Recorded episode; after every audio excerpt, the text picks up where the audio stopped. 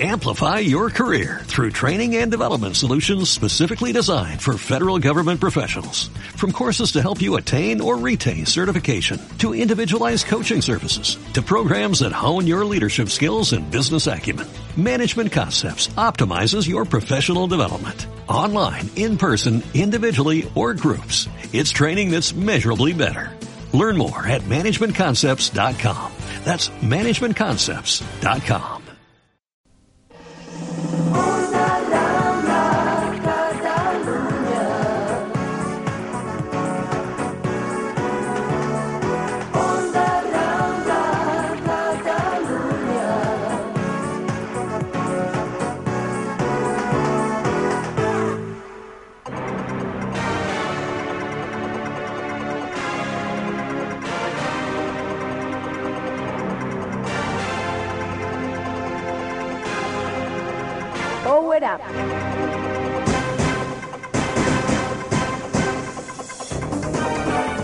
i bona hora, a les dues i sis minuts.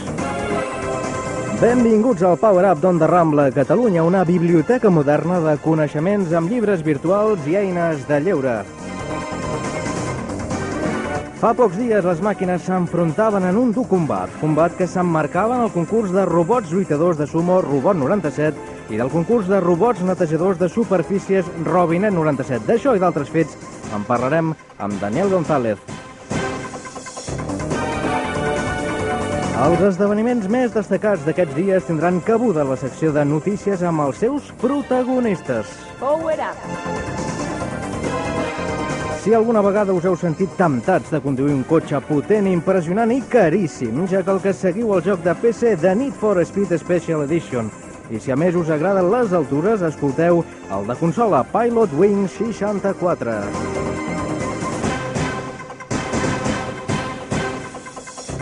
Si en alguna ocasió us ha fet mandra d'haver d'escriure davant la pantalla perquè encara sou dels que escriviu de dit en dit, i si us passeu hores i hores, no us, poder, no us perdeixo pas l'anàlisi del Voice Type Simple Edition. Dues i set, 18 graus aquí a la Diagonal, comença a s'inicia el Power Up d'Onda Rambla, Catalunya.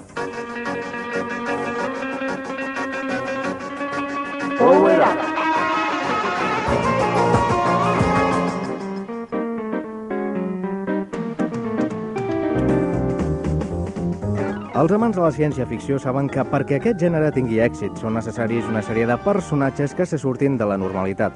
A finals del segle XX podem afirmar que un dels grans fenòmens que s'ha desenvolupat és internet, però el món de les noves tecnologies ha tingut molt en compte la intel·ligència artificial. Per això, avui hem convidat a Daniel González, que és el president de l'AES, capítol d'estudiants de l'Aerospace and Electronic Systems Society, a l'Escola Tècnica Superior d'Enginyeria de Telecomunicacions de la UPC. I, evidentment, també comptem amb la Glòria Garcia, que també forma part d'aquesta associació dins d'una altra branca, que de seguida ara en parlarem. Bona tarda a tots dos. Bona tarda. Daniel González, què és exactament la vostra associació? Bé, la AES Estudiants és una branca d'una societat internacional dedicada a tot el que és la indústria aeroespacial, que també està inclosa dintre d'un institut internacional que es diu l'Institut d'Electrònic- de- d'Enginyeria Electrònica i Elèctrica, que és el que dicta les, els estàndards de tot el que és eh, la, la indústria electrònica. Vosaltres, doncs, us centreu en alguna branca en concret. Sí, de fet, eh, tenim tres branques eh, ben, ben diferenciades que fan diferents activitats, però potser la, la Glòria t'ho podrà explicar millor. Doncs endavant. Aquestes tres branques en actiu són eh, la branca de robòtica, de la qual parlarem més endavant, la branca d'astronomia i la branca de Star Trek Noves Tecnologies. Precisament en aquesta darrera hem organitzat pel dimecres 2 d'abril a les 5 de la tarda a la UPC una conferència donada a, a càrrec del professor Jaume Verdaguer, que és doctor en física teòrica i que ens parlarà una mica de màquines del temps, eh, o sigui que tothom que hi estigui interessat hi podrà acudir. És a dir, que teniu branques eh, d'un mateix eix comú, però diverses diversificades en aquest cas. Una de les activitats que molts oients ja deuen conèixer, com ja hem fet esment al principi del programa, és la celebració dels concursos de robots. En què consisteixen exactament? Bé, aquests concursos es van, van començar fa 3 anys i eh, pretenien, sobretot, eh, acostar tot el que és el món de la robòtica als estudiants, donar, eh, donar-los una via de, de eh, posar en pràctica tots els seus coneixements que tenia, que, de tota la, la gent que tingui un interès a la robòtica. Suposo que una de les persones que més en sap d'això és el cap de la branca de robòtica de la vostra associació, que és el senyor Ignasi Amargós. Bona tarda. Hola, bona tarda. Eh, podries ampliar-nos una mica aquesta informació sobre els concursos de robots? Bé, sí, aquest any, eh, com ha dit el Daniel, és el tercer any. Hem celebrat, per una banda, els tercers concursos de robots lluitadors de sumo, que és potser l'estrella, la nineta dels, dels ulls de tota la jornada, i a part, cada any el que hem fet és introduir un concurs nou. Així l'any passat es va introduir el del concurs netejadors de superfícies, que aquest any ha sigut la segona edició, i aquest any hem, hem introduït un nou concurs, que és el concurs de, de robots rastrejadors. Uh -huh. Suposo que deu haver tingut tant d'èxit com les edicions passades. Ah, sí, realment cada any, cada any creix més. Cada any eh, es va fent més important, afortunadament, tant en públic com en participants i en, en el nivell que s'hi demostra. A la documentació que vam poder doncs, eh, mirar a través de la xarxa internet vam veure que teníeu diverses categories. Quines són? En el cas del Sumo tenim dues categories, els robots autònoms i els robots controlats per ordinador. Els robots autònoms són els que duen un xip en l'interior en el qual ja han registrat el programa que, que farà controlar tot l'ordinador. Ai, tot, perdó, tot el robot. En canvi, en els robots controlats per ordinador, el programa resideix en l'ordinador i hi ha un, un cable que fa d'annex entre l'ordinador i, en i el robot, en el ben entès de que els concursants no poden manipular l'ordinador durant el concurs. Mm -hmm. Daniel González, jo suposo que, eh, a, a més, a, tots els oients es deuen imaginar que a part de construir un robot deu haver-hi un software perquè aquests puguin funcionar. Suposo que això és una altra branca bastant especialitzada. Sí, de fet, eh, sobretot a la, a la categoria de robots controlats per ordinador, el, cada, cada equip de, que presenta un robot sol desenvolupar un software, eh, normalment pot ser des de C eh, fins a qualsevol llenguatge de programació que els sembli. Realment, en quant al software, no, tenim, no hem posat limitacions, sinó simplement que sigui un programa eh, ben fet i que durant el combat no pugui, el, els concursants no puguin tocar l'ordinador. Per tant, hi ha d'haver una simbiosi perfecta entre uns i altres. Exacte, sí.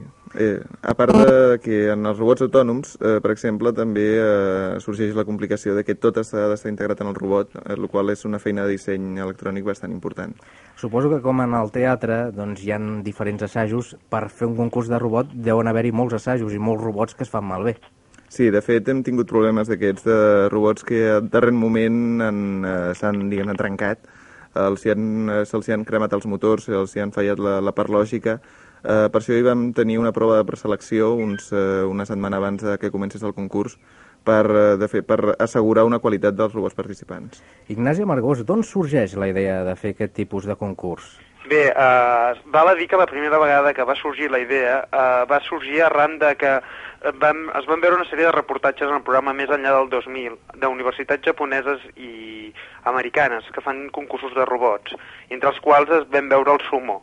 Potser el sumo és el que més va treure en, en la gent de la nostra associació perquè era potser el més espectacular, intervenien dos robots alhora i era el més emocionant. I llavors, prenent una mica la idea d'aquests concursos, després vam buscar a la xarxa internet eh, les normes internacionals i les vam adaptar per fer les, les nostres normes que regeixen els nostres campionats de sumo. Precisament d'això, de les normes d'un reglament, en volíem parlar. Ens podríeu explicar grans trets com són aquestes normes, aquesta, aquest reglament?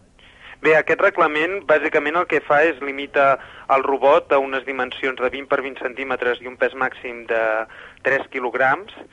Uh, en el cas del, dels controlats per ordinador diu que el nex entre el robot i l'ordinador serà un, un cable de 25 pins eh, família pels dos costats que subministra l'organització. I llavors bàsicament el que, el que fa és mm, diu totes les possibles variants que hi haurà durant el joc. El, els, els combats de sumors es divideixen en tres assalts de 3 minuts cada un. I llavors bé, el teu objectiu és treure el robot de la tarima i d'aquesta manera s'aconsegueix un punt lluco quan s'aconsegueixen dos punts lluco, tu has guanyat el combat.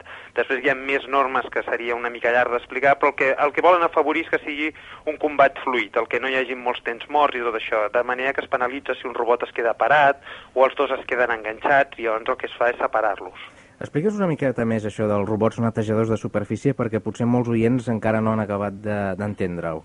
Els robots netejadors de superfície es tracta d'una superfície d'uns 4 metres quadrats amb una sèrie d'obstacles. En aquests s'hi reparteix d'una forma el més uniforme possible una quantitat de- d'arròs que en aquest any ens ha de ser de 3 quilos, encara que és variable.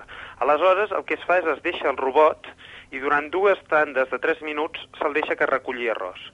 A més a més, dintre d'aquest circuit hi ha un lloc, una cantonada, on hi ha un, conte un contenidor de 20 per 20 centímetres i una alçada de 5 o amb una emissora d'infrarroj- eh, d'infrarrojos que el que, el que assenyala és el que seria les escombraries. Així com l'arròs seria la porqueria, aqu aquest assenyala les escombraries.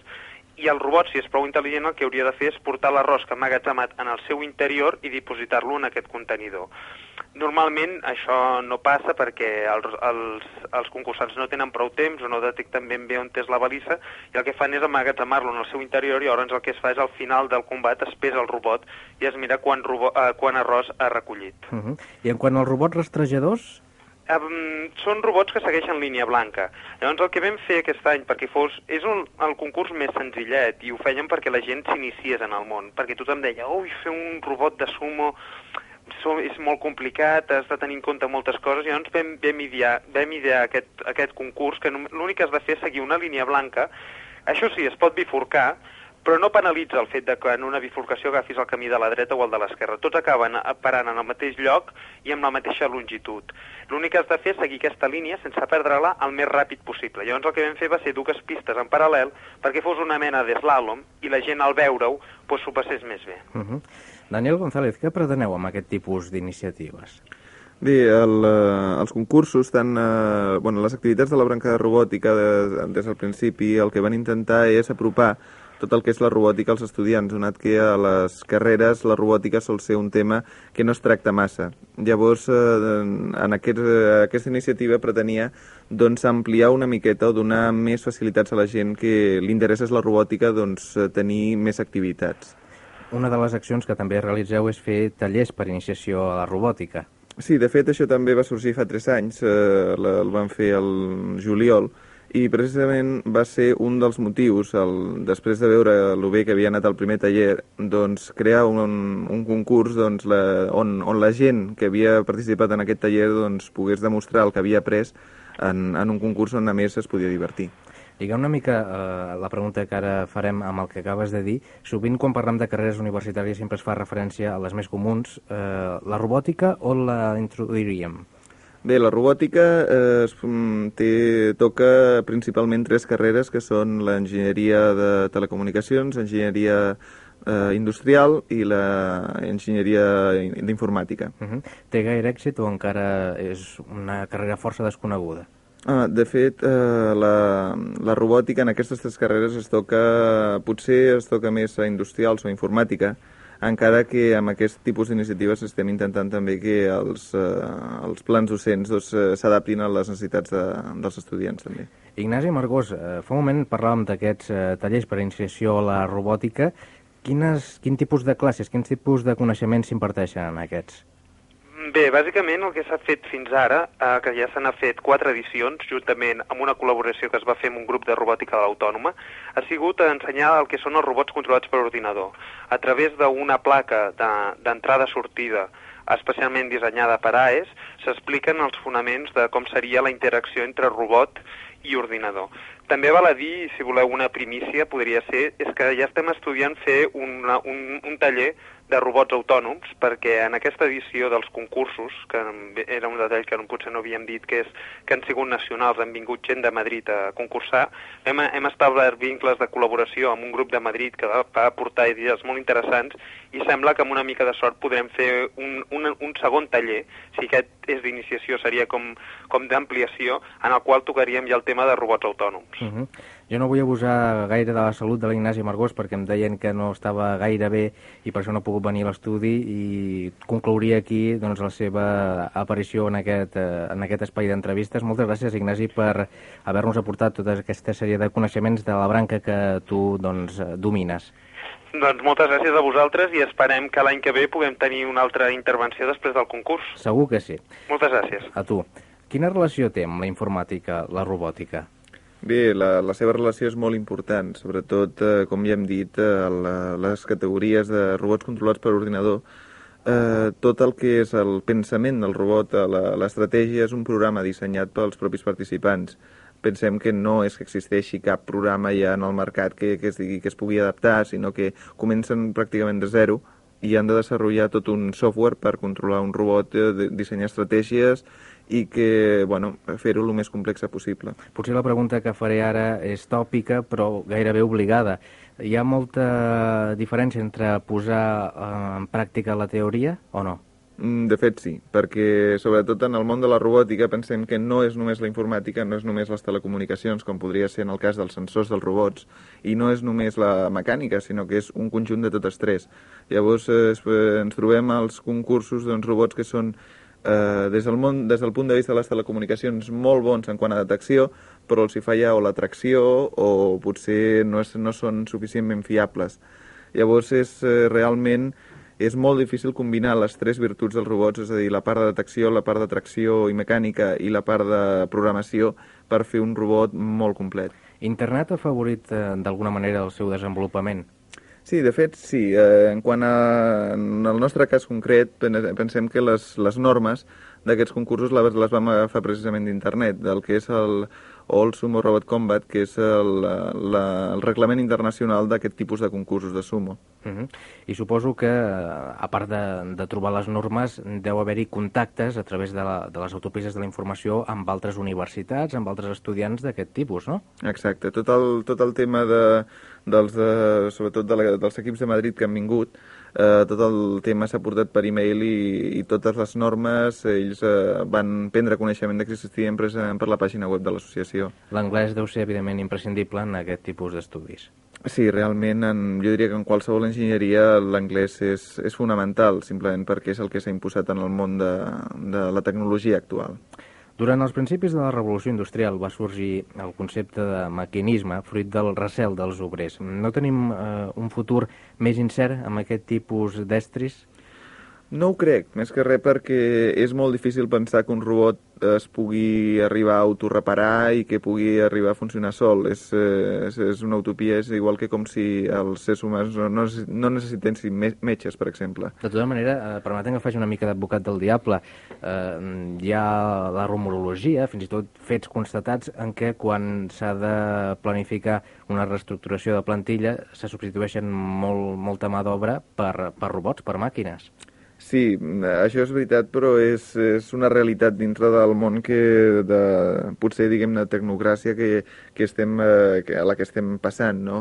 El que estem passant és eh, potser un canvi en el tipus de, de feines que es, de, que es necessiten. D'això en parlàvem la setmana passada, suposo que els oients se'n recordaran, amb l'exministre Joan Major, i eh, feia referència també en aquest sentit en què cal un reciclatge en els treballs i en els estudis de la societat. En quin tipus eh, d'empreses es dona més l'ús dels robots? Bé, de fet, eh, la robòtica està molt implantada en el, eh, tot el concepte de robòtica industrial. Tot el que són braços robotitzats, etc etc. Eh, es dona molt a les empreses. Tot el que són treballs que, que són molt mecànics eh, es poden, normalment acaben fent-se per robots perquè optimitzen la, la, produ la producció. Recentment en parlàvem dels èxits que ha suposat eh, l'aplicació de la robòtica en el camp de la medicina. Per tant, no deu ser gaire difícil trobar-los eh, ben aviat en, en la societat d'oci. Sí, de fet, la robòtica, eh, a mida que vagi avançant, jo crec que s'anirà integrant amb la societat bastant més del que està ara. Precisament el, el concurs de robots netejadors de superfícies és un bon exemple, donat que eh, aquests robots, si eh, arribessin a un nivell tecnològic molt més avançat, diguem-ne que no seria, no seria difícil veure'ls a qualsevol casa dintre de 20 anys doncs, netejant el terra. O precisament no fa gaire temps va sortir una notícia d'una empresa japonesa que havia construït un robot expressament per jugar a voleibol. No sé Sí. si recordes aquesta notícia. Sí, exacte. De fet, això potser som, estem ara en els albors, en, el, en els inicis de, de tot el que és això i com a experiment de que un robot podia, podia dedicar-se doncs, a esports, etc etc. Parlàvem en la introducció de ciència-ficció. Fa pocs dies, o fa un dia o dos, que s'ha tornat a estrenar La Guerra de les Galàxies. Estem molt lluny de veure aquells enginys cinematogràfics a la vida real?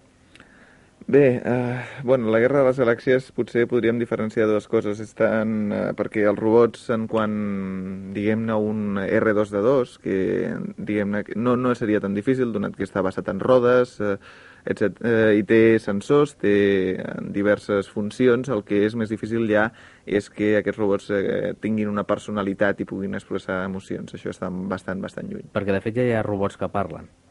Sí, el que es basa en un programa d'interacció i diguem-ne que els programadors eh, han previst eh, totes les respostes possibles del seu interlocutor i poden, i poden portar una conversa menys, més o menys eh, normal. A curt termini, els robots seran un aparell més de l'entorn domèstic, doncs? Jo crec que sí. Bueno, no sé si a curt termini, però eh, s'està investigant molt en aquest camp. Si es, si s'aconsegueixen reduir costos bastant, bastant eh, és molt possible, com he dit, de, per exemple, tornant a dir el, el cas dels robots netejadors, doncs que ens trobem un robot escombra a cada casa dintre de 15 anys. Uh -huh. Quin és el país que està més avançat en robòtica? Jo diria que estan a la part eh, el Japó i els Estats Units. Pensem que el Japó té una tradició en tot el món de la, de la microelectrònica, però potser el país que més inverteix en I+D, en investigació de, i desenvolupament, són els Estats Units. Uh -huh. I el nostre país, a quin nivell estem? Bé, de fet, eh, la robòtica va començar... Potser és, és en fase de, de creixement ara, i va ser implantada sobretot per l'exrector de, la, de la Universitat Política de Catalunya, el senyor Gabriel Ferreter, i, i bueno, jo penso que ara està en ple, en ple auge i penso que el, aquests concursos són una mostra d'això. Manteniu contactes amb altres organitzacions o associacions internacionals? Sí, sí, eh, eh, tenim molts contactes amb institucions eh, dintre tant el camp de la robòtica com les altres branques d'AES, des de la mm, European Space Agency, l'Agència Espacial Europea, fins a empreses dels Estats Units eh, especialitzades en robòtica. Si ara mateix hi ha algun oient interessat en contactar amb vosaltres, on s'ha de dirigir?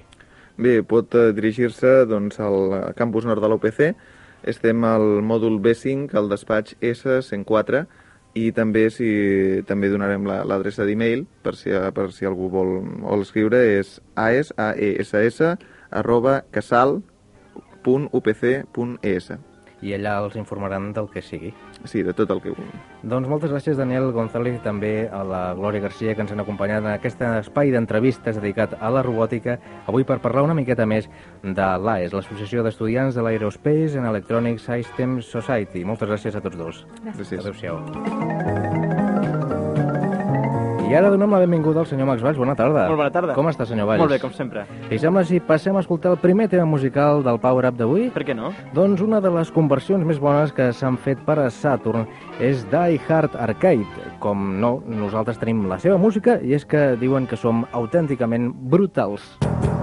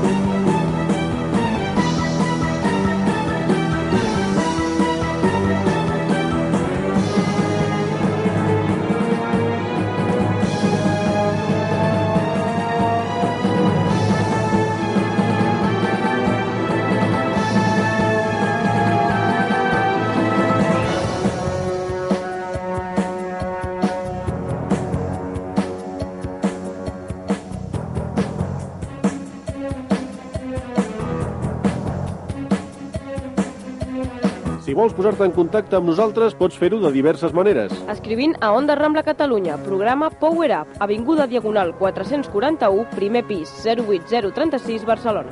A l'e-mail powerup arroba lleida.net p o w e r u p ensaïmada lleida.net Enviant un fax al 410 66 62 410 6662. I durant tota la setmana deixant-nos les vostres consultes, dubtes i suggeriments al contestador 93 388 26 47 388 26 47. 30 segons i seran dos quarts de tres de la tarda. Seguim amb 18 graus aquí a la Diagonal de Barcelona. Senyor Valls, vostè que sempre és un home doncs, especialment interessat pels videojocs, sabrà que la notícia d'ara li interessarà i força. Home, sobre la Nintendo 64, això està clar. Exactament, perquè el món dels videojocs també evoluciona a un ritme frenètic. Nintendo ha apostat per les noves tecnologies i ha tret un nou concepte de consola, la Nintendo 64. Escolti atentament aquesta entrevista. I a l'altra banda del fil telefònic tenim el senyor Rafael Martínez, que és el responsable de màrqueting de Nintendo España. Buenas tardes, don Rafael. Hola, buenas tardes. ¿Cómo está? Pues eh, trabajando mucho. Igual que nosotros. Entonces, ustedes hablan de una auténtica revolución en el mundo del ocio. ¿Qué tiene la esperada Nintendo 64 que no tengan las consolas existentes en el mercado? Bueno, yo diría mm, que hay que hacer una diferenciación clara en dos elementos muy importantes. Uno es el hardware, las propias características técnicas de la máquina, y otro sería el software, eh, los juegos que se pueden utilizar en esas máquinas. Desde el punto de vista del hardware, mm, yo creo que tenemos que hablar de una máquina que está duplicando en potencia y triplicando en velocidad a las máquinas de 32 bits. De hecho, Nintendo 64 es la primera consola de 64 bits reales que se lleva a ocio doméstico. Por tanto, lógicamente, esta ventaja o esta superioridad técnica con respecto a las máquinas de 32 bits al final revierte en el segundo punto del que estábamos hablando, que es la programación de software. Con ese potencial de hardware se pueden programar juegos que sería impensable que se hiciesen para consolas de 32 bits. Ujú. Muchos usuarios se han quejado del retraso en su aparición, ya que se esperaba el lanzamiento en Navidades. ¿Cuál ha sido el motivo de tanta demora?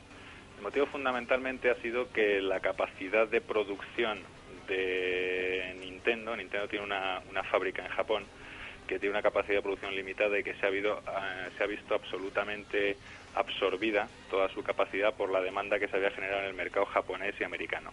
Por tanto, no ha habido posibilidad de fabricar máquinas para el mercado europeo.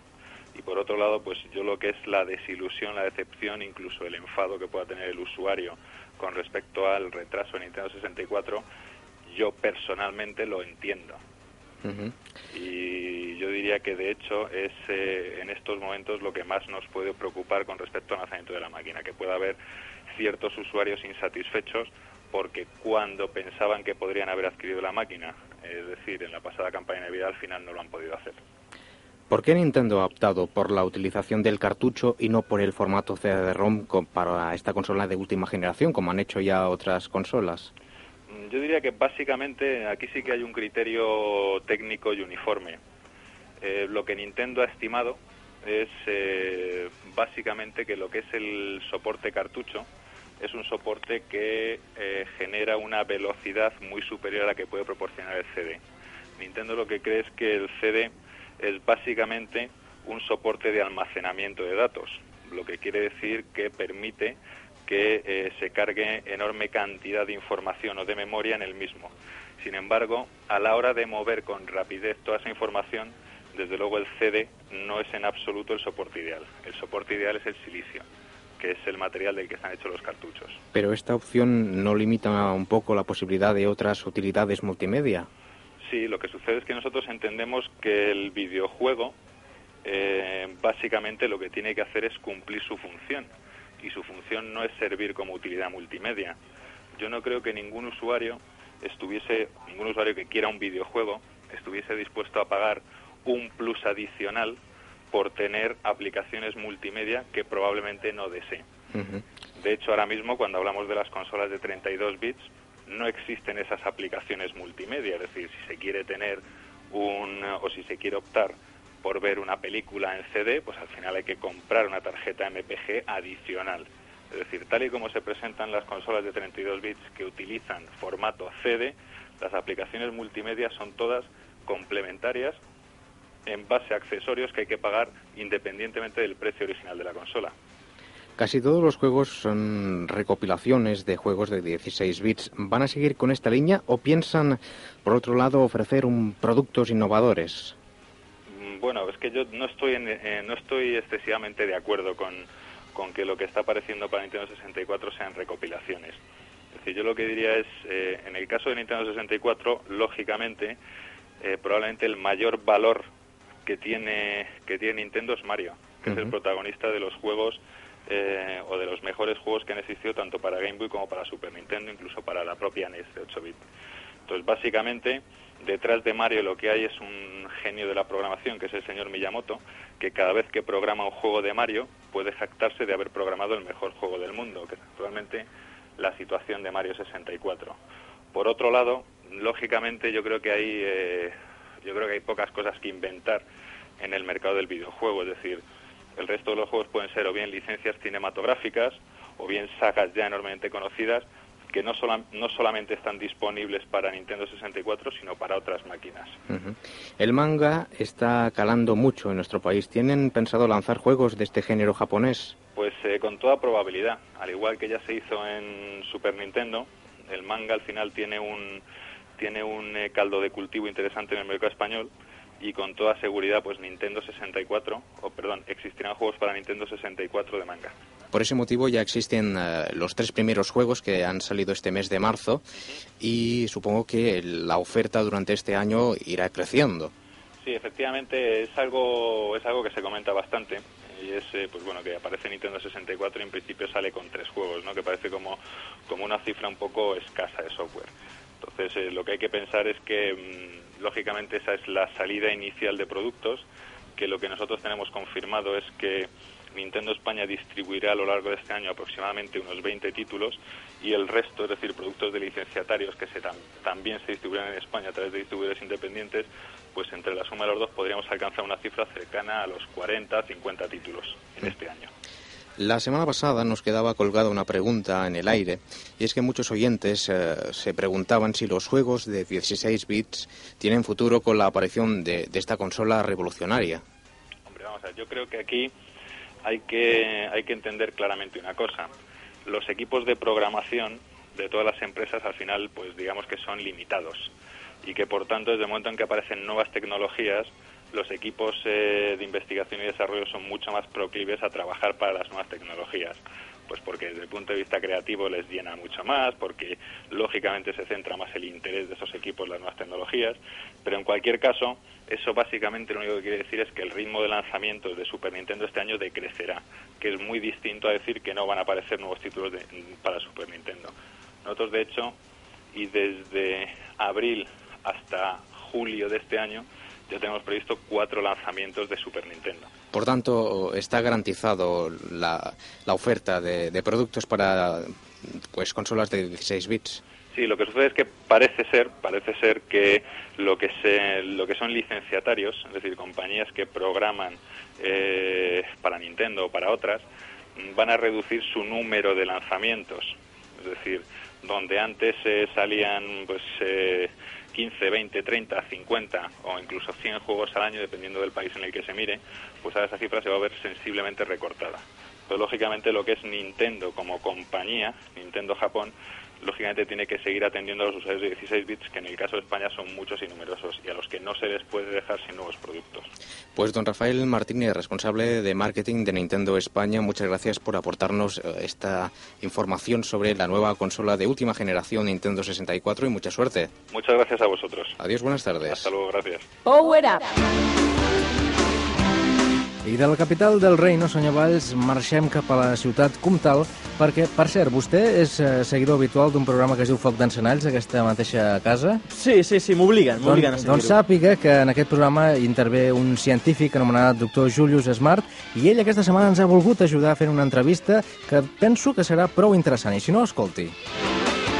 El Museu de Geologia de Barcelona ha optat per fer un museu virtual gràcies a les noves tecnologies. És per això que a l'altra banda del fil telefònic tenim el senyor Carles Curto, que és el director d'aquest museu. Bona tarda, senyor Curto. Sí, bona tarda. Aquest projecte eh, tinc entès que s'integra dins d'una iniciativa europea, no? És així? Sí, abans que res voldria aclarir que no, no sóc el director en realitat, sinó que sóc el conservador de la secció de mineralogia. Bé, anant al projecte, aquest projecte jo diria que ha sigut també el resultat de bastants anys de relació amb molts museus d'Europa.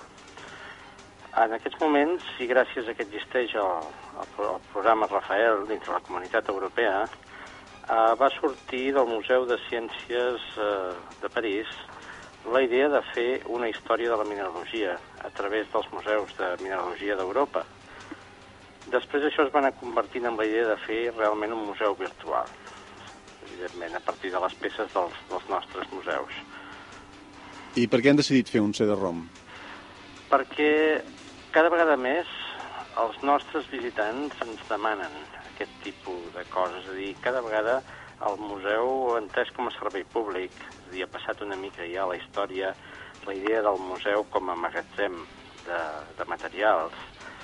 El museu l'entenem avui dia com un servei públic i abans que res doncs, ens interessa estar al dia sobretot del que la gent demana. Per altra banda, és un camp, pensem que és un camp obert, un camp bastant verge, sobretot en el camp de la geologia i concretament de la mineralogia, i per això ens vam plantejar aquest tipus de treball, perquè pensem que avui dia amb el, amb el camp d'ordinadors personals que hi ha ja en el món eh, podia ser ben rebut. Perquè, a més a més, la idea és realment fer un, un treball molt complet, però al mateix temps que surti a un preu realment assequible. I la idea no és tant, no és no sols portar el nostre nom a tot arreu, sinó també donar a conèixer la mineralogia a, a tots nivells. Què, què inclourà? Quin tipus de multimèdia? Sí, miri, en realitat la idea d'entrada és un, un CD-ROM de 600 megabytes i que està pensat també que es facin còpies amb DVD per ser eh, economitzada a preu econòmic i aquest CD-ROM inclourà texta, so, imatges fixes i també imatges en moviment. És a dir, inclourà sobre un text d'unes, que seria unes 200 pàgines, Uh -huh.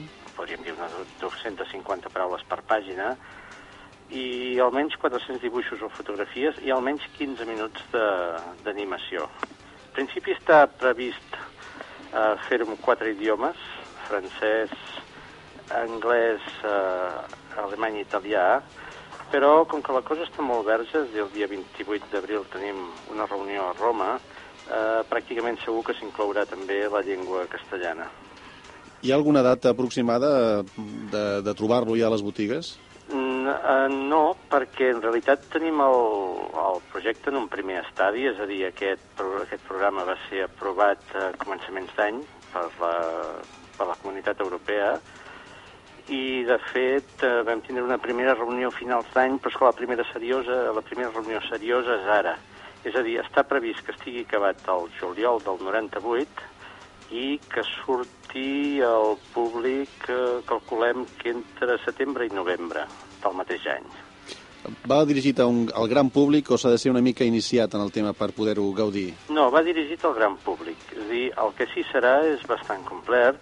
El que passa és que la temàtica serà redactada, sobretot, eh, està previst que estigui redactada i pensada la redacció per gent especialitzada en comunicació, i la idea és precisament eh, fer-lo arribar a estudiants, bàsicament, però també persones interessades de pràcticament tots els nivells.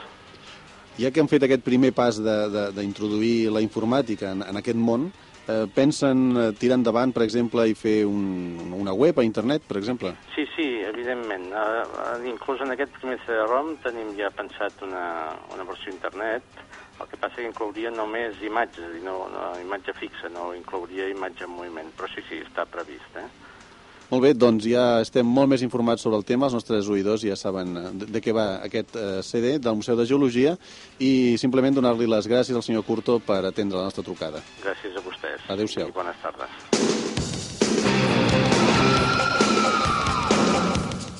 Power Up.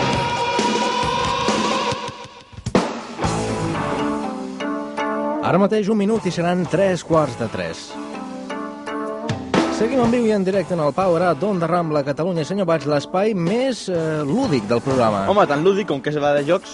Per exemple, el de PC d'avui es diu The Need for Speed i el seu informe és aquest. I gira el bombo, gira, i després de rodar i rodar surt una boleta. A veure, avui parlarem d'un arcade? No, em nego. N'estic fart de parlar sempre d'arcades, setmana rere setmana. Avui faig la meva i parlaré d'un simulador. I no us penseu que serà de naus espacials, o de submarins, o de vida quotidiana. Em refereixo a un simulador com els d'abans, dels de veritat, dels de tota la vida, dels de sempre, dels autèntics i genuïns. Un simulador de cotxes. Bé, tot això si és que a The Need for Speed Special Edition el podem considerar un simulador com els d'abans. Ens atreveríem a dir que la seva similitud amb els típics jocs de curses que coneixíem és la mateixa que la d'un ou a una castanya. I el per què és senzill. Tenim entre mans un cotxe bestial. Potser aquest no és un epítet massa correcte, però com en diríeu vosaltres de conduir un Ferrari o un BMW d'última generació? Nosaltres ho qualifiquem de bestial. Aquesta edició especial té, d'entre altres característiques, un total de 9 pistes, és a dir, dues més que l'edició anterior i una altra d'addicional. Posseix fins a 8 models de cotxes diferents, amb els que podrem assolir velocitats de vertigen. Compta amb un millor control de càmera per veure la carrera des de totes les perspectives possibles, així com una música i uns efectes dignes d'esment, i uns enemics una mica passadets. Ara podeu agafar el cotxe dels vostres somnis i donar-li canya, tanta com en sigueu capaços, fins al punt d'incrustar el paraxocs en el cotxe que ve de cara, i amb l'avantatge de no haver de pagar dels desperfectes ocasionats als vehicles, i sense prendre mal. I és que conduint un cotxe d'un simulador no es poden tenir accidents greus. O potser sí. Potser sí, senyor Valls. Potser sí. Pots caure de la cadira. Ens dit que The Need for Speed Special Editions compta amb cotxes increïbles. Home, jo considero increïbles un Lamborghini Diablo. Això és un cotxe increïble. Un Porsche, un Porsche Carrera 411. Això també és un cotxe increïble, eh? Un Chrysler Dodge Viper. Sí, sí, i per què no? Un Ferrari. És dir- Això ja, un Ferrari vermell així, tipus Magnum. Cotxes potents i multimilionaris, Home, eh? eh, sí, la veritat és que sí. La veritat és que aconseguir el joc no és car. En canvi, aconseguir un cotxe d'aquest, la veritat, sí que és car. Hem de dir que aquest joc també té una important base de dades. Sí, ja no només dels cotxes, que hem de dir que podem veure animació, bé, vídeos dels cotxes que, que poden córrer i tot això, també podem tenir estadístiques del, co de, del cotxe, i a més a més tenim tot el motor, com funciona, etc etc. Escolta'm, i totes aquestes estadístiques, aquestes dades, són reals? Sí, sí, són reals, són reals, efectivament. Com la vida mateixa? Com la vida mateixa. Els efectes, al igual que la música, són notables. N'estem escoltant una mostra d'aquesta Sí, sí, música. home, només hem d'escoltar aquesta musiqueta per poder veure que, que enganxa, no?, per poder córrer. Sona molt el motor... La, la... Sí, sí, la veritat és que mm, al principi sobta una mica, no?, perquè quan agafem la, la primera vegada que agafem el cotxe, el, el rugir de, del motor tapa una mica la música. Uh -huh. És a dir, que sona més el motor que la, que la música. Hem de dir respecte al motor que és diferent depenent del cotxe. És a dir, no sona el mateix un motor d'un Ferrari que el d'un BMW, que el d'un Porsche, no? O sigui, la veritat és que no és el mateix. Vostè ha destacat diversos detalls. Sí, hem de dir que una de les coses importants que té i que a mi m'agrada bastant és el canvi de vista. Eh, quan hi ha un derrap o un xoc contra un altre cotxe o un canvi de, de direcció i tot això, eh, hi ha un canvi de vista i veiem el cotxe en tercera persona. Uh -huh. Mentre que si no, el que veiem, és, eh, veiem és, estem darrere del parabrises, no? amb el comandament de, del cotxe, el volant i tot això. També una cosa important és el mirar el retrovisor perquè eh, els cotxes que ens persegueixen, que podem veure pel, mirar retrovisor, i a més a més podem escoltar com ens eh, toquen la, la botzina, no? I fins i tot quan fem una frenada d'aquelles... Bestial, sí, efectivament, Sí. quan fem una, una frenada d'aquestes bestia- bèsties, o fem un derrap, eh, també. Mhm. Uh -huh. Deixem la, la meitat dels, dels pneumàtics a la carretera. És a dir, que deixa tota la marca. Sí, sí, deixa la marca. Podem jugar fins i tot en xarxa. Sí, és una cosa important d'aquest cotxe, d'aquest joc. Eh, podem jugar en xarxa, és a dir, que nosaltres portem un Ferrari, el nostre company pot portar un Porsche, eh, un altre pot portar un Lamborghini, i bé, fer una cursa. Amb- I intentar guanyar. Sí, sí, efectivament. Deix, deixi'l passar, deixi'l Deixa- passar. Sí, passa, passa. Sí, molt bé. Per concloure, què podem dir d'aquest joc? Oh, d'aquest joc no, jo diria més bé que és un bon cotxe. Que és un bon cotxe? Sí, efectivament. Així de clar. Doncs no sé si serà igual o més bo el Pilot Wins 64. L'escoltem. Si féssim una enquesta, la majoria de gent proclamaria la Teresa de Calcuta com la persona més bona del món. Però s'equivocarien. I és que nosaltres sabem qui és la persona més bona del món. Ni més ni menys que el nostre estimat col·laborador Max Valls. I en tenim la prova. Fixeu-vos, si no, en el seu comentari de la setmana passada. Recordem-ho. Malgrat el malvat guionista David González afirmava, tot parlant del manga Tokimecha, que en Toriyama hauria de retirar-se si no era capaç de veure la llum i fer un manga en condicions, el bon Jan d'en Max Valls, en un intent de no ferir la sensibilitat dels seguidors d'aquest autor, va dir tot el contrari. I fins i tot el va elevar. Max, eh, t'ho diem de bon rotllo. Deixa aquests gestos humanitaris i estigues per la feina.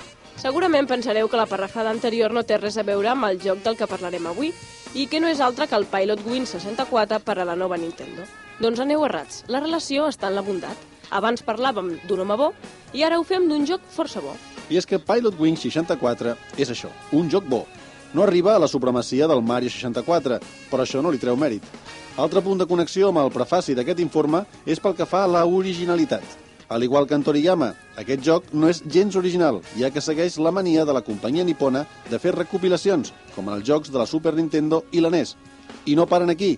Ens hem assabentat que estan a punt de publicar un Golds and Ghost 64. Això ja és massa.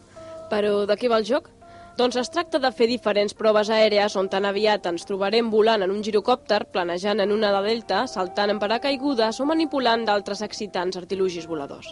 Tot això, és clar, en un entorn gràfic espectacular, com li cal a la Nintendo 64. Hi ha, però, una petita pega. No és apta pels amants dels jocs d'acció, ja que només es tracta de volar i prou. Senyor Valls, per al·lusions, vol dir alguna cosa o no? Home, mm, jo diria una cosa. El senyor... Doncs, doncs no la digui, escolti'm.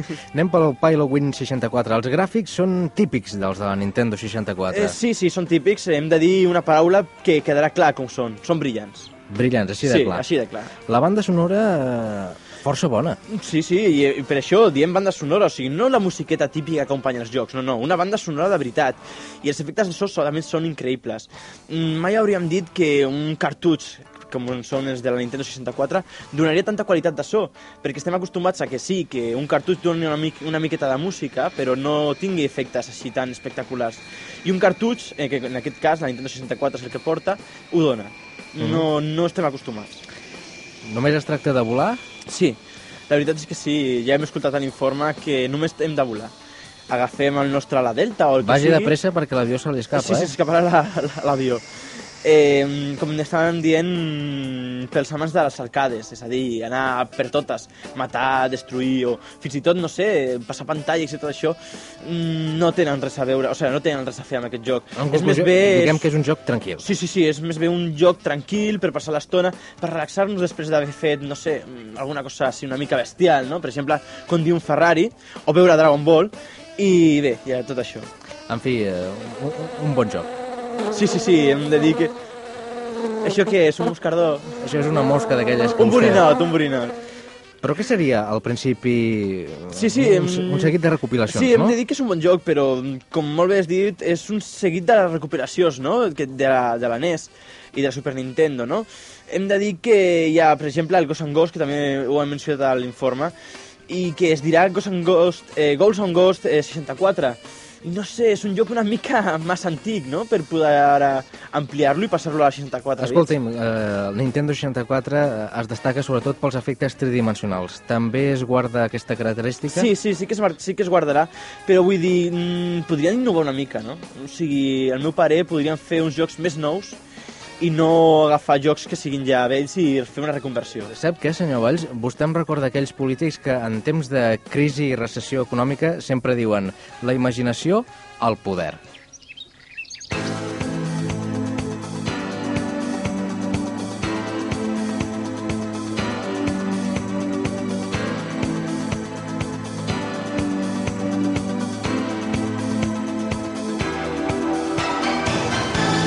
Els optimistes afirmen que cada vegada ens anem apropant més a la societat ideal, aquella en què el lleure i la feina adquireixen un nou concepte ben diferent del que ara coneixem a l'estat del benestar. I és que la comoditat és un dels requisits més habituals dels nous productes. Imagineu-vos la importància que té la mecanografia a la vida diària. I si no, només cal que llegiu els anuncis de feina. Gairebé tots en demanen coneixements. Per això s'inventen alternatives o elements de suport per tal d'alleugerir-nos la feina, com per exemple el Voice Type Simple Speaking d'IBM. Així vols dir que és com tenir una secretària o, si no, ser un geni del teclat?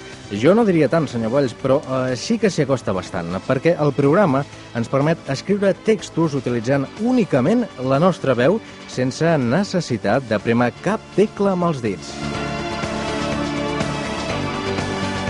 Així doncs és com si tingués un ajudant. En això sí que hi estic més d'acord. Eh, És com tenir un ajudant particular que ens escriu tot allò que nosaltres li dictem de forma innovadora i realment productiva. I és que els primers resultats dels laboratoris d'investigació i desenvolupament del reconeixement de veu ja han donat el seu fruit. I què és el que han aconseguit? Fonamentalment eh, han aconseguit crear un model de llenguatge oral associant a cada paraula escrita la seva pròpia ona característica.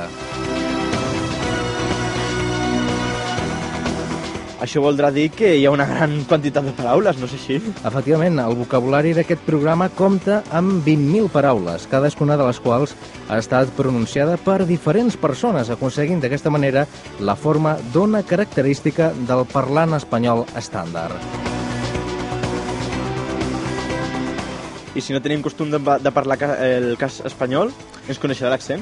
Doncs eh, tot ho entenen, tot ho tenen pensat eh, els d'IBM. Per millorar la capacitat del programa, realitzem un procés anomenat d'inscripció, durant el qual gravarem una sèrie de frases per tal de que el programa aprengui a identificar la nostra pròpia parla.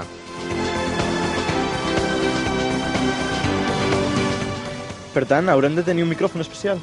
Sí, però no es preocupi perquè aquest producte, a part de portar el software de reconeixement de veu, inclou un micròfon d'alta precisió amb el seu auricular incorporat, a l'estil, eh, si vostè recorda, de les telefonistes.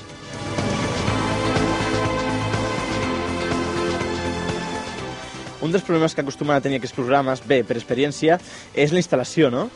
Per desgràcia sí, però no és aquest el cas que ens ocupa. Eh, resulta molt senzill d'instal·lar si seguim cadascuna de les instruccions que el propi programa ens ofereix des del mateix moment de treure tots els components de la caixa.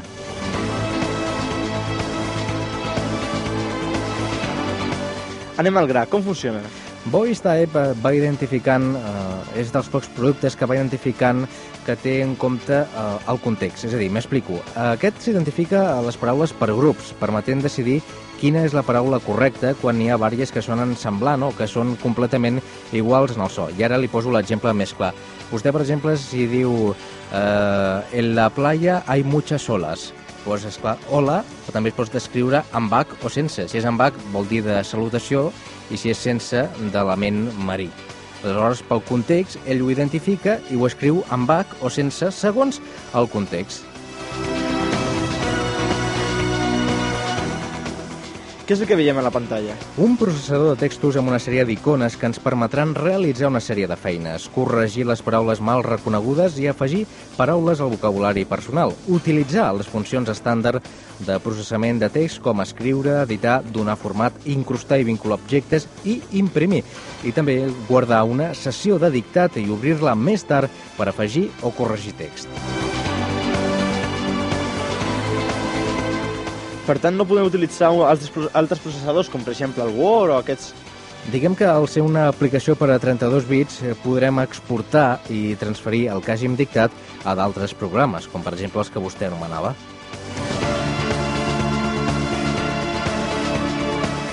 I ara una, pre una pregunta de rigor. Aquest programa és infal·lible?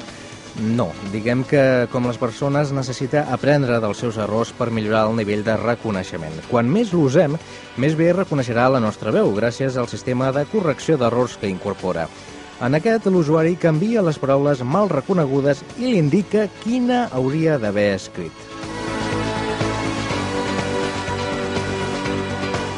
Escoltem els fets positius. Els fets positius, diguem que la instal·lació és molt senzilla. Ja hem dit que des del primer moment el programa ens va guiant perfectament cadascun dels passos que hem de seguir. Hem de dir que és un programa original, perquè no es troba gaire sovint un programa que escrigui tot el que tu dius. No, no, és, no, la és que difícil. L'ajuda hem de dir que també és molt bona eh, dins i fora del programa, ja que acompanya doncs, un petit manual d'instruccions que ens pot ser de força utilitat. Porta un micròfon de gran precisió, ja ho hem dit, amb un auricular incorporat. Permet crear missatges electrònics, per tant, eh, la tecnologia dels 32 bits es veu clarament identificada. Permet tenir varis usuaris, cosa que sempre és important pel reconeixement de la parla. I diguem que el seu preu ronda les 14.500, cosa que doncs, no és un preu gaire exagerat si tenem en compte que també incorpora aquest micròfon d'alta precisió i un software, diguem, bastant potent. Fets negatius? Sí, sí. Doncs eh, diguem que mm, pot resultar lent, eh, mm, pot passar força temps fins que eh, treballem de forma fluida. Només funciona amb Windows 95 i no amb altres plataformes com, eh, doncs, eh, no sé, com Sí, per com- exemple amb Macintosh, sí, amb etc. els dos, sí, amb o Linux. O amb el Windows 3.1, eh, diguem que podria corregir-se a mesura que dictem i que al parlar hem de fer moltes pauses. Pauses com les que farem ara mateix perquè arribaran les notícies, una pausa d'uns 5 minuts aproximadament i nosaltres seguirem en viu i en directe en el Power Up sobre les 3 i 5 aproximadament. Fins llavors, gràcies.